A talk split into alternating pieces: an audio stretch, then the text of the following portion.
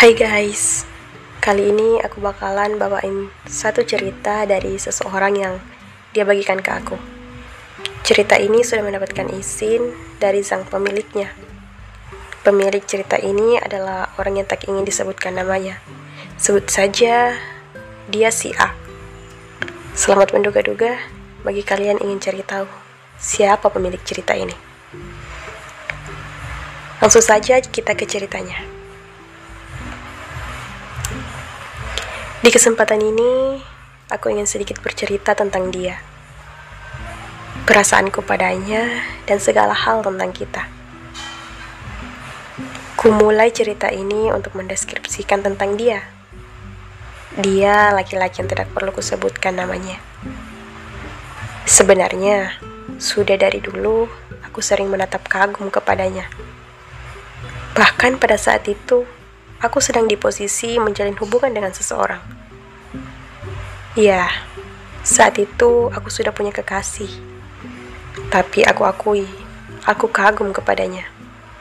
Sekedar kagum saja, tak lebih. Karena rasaku pada mantan kekasihku jauh lebih mendominasi. Hmm, dia baik, aktif organisasi, banyak kegiatan-kegiatan yang baik tentunya. Cukup menonjol di lingkungannya dan menurutku dia tipe orang yang tidak menyukai menjadi pusat perhatian. Suatu ketika, aku dan seseorang di masa lalu akhirnya memilih untuk berpisah. Singkat cerita, setelah beberapa bulan dari saat kejadian kandasnya hubunganku, aku akhirnya bisa sedikit menata hati. Saat itu, aku tidak mengerti dengan perasaanku.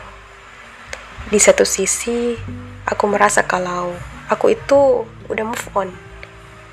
Tapi kadang di malam-malam yang sunyi, bayang-bayang tentangnya kembali muncul. Aku hanya merindukan dia. Belum terbiasa tanpa notifikasi darinya. Dan telepon yang selalu mengabariku.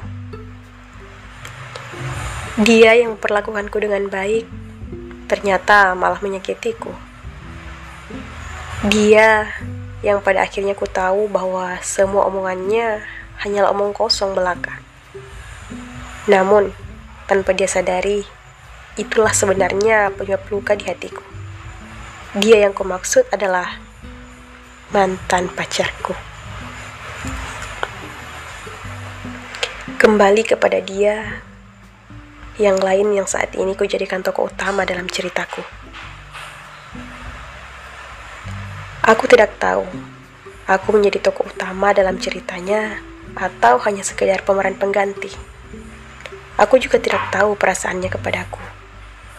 Aku tidak cukup peka untuk menilai semuanya. Ada yang mengatakan dia menyukaiku hanya saja malu untuk mengungkapkannya. Ada yang mengatakan dia hanya ingin tahu perasaanku padanya. Hmm, lucu. Bukankah sudah jelas dari raut wajahku ketika orang-orang di sekitar menyebut namamu? Tidakkah cukup itu untuk menjadi jawaban atas pertanyaanmu? Aku tahu, dia sebenarnya sudah tahu. Aku adalah orang yang mudah untuk dibaca perasaannya. Jelas, terlihat kalau aku ada rasa lebih dari sekedar teman. Ada juga orang lain yang mengatakan kalau dia ilfil kepadaku. Aku tidak tahu yang mana harus kupercaya. Aku hanya bisa memendam hingga batas waktu yang tidak kutentukan. Karena jika sudah lelah, aku akan pergi dan tidak lagi menjadikannya tokoh utama dalam setiap ceritaku. Kehadiran dia cukup membuatku bahagia Hariku penuh warna, walau sebenarnya tak ada komunikasi berarti di antara kita. Bahkan bertugur siapa saja sangat jarang. Aku sudah pernah dalam tahap berhenti mengharapkannya. Bahkan sering sekali ku katakan pada diriku, aku lebih percaya bisa kembali bersama masa laluku daripada menjalin hubungan bersamanya.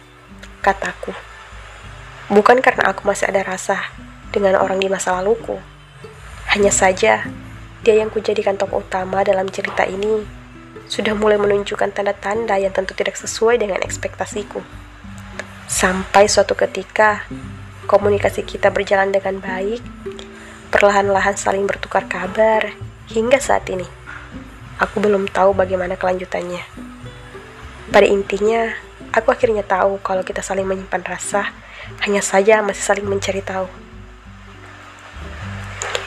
Untukmu yang kujadikan tokoh utama di cerita ini, ku hanya ingin bilang, terima kasih karena kamu akhir-akhir ini ada sedikit cerita berharga yang bisa kuceritakan. Semua tentangmu rasanya menyenangkan.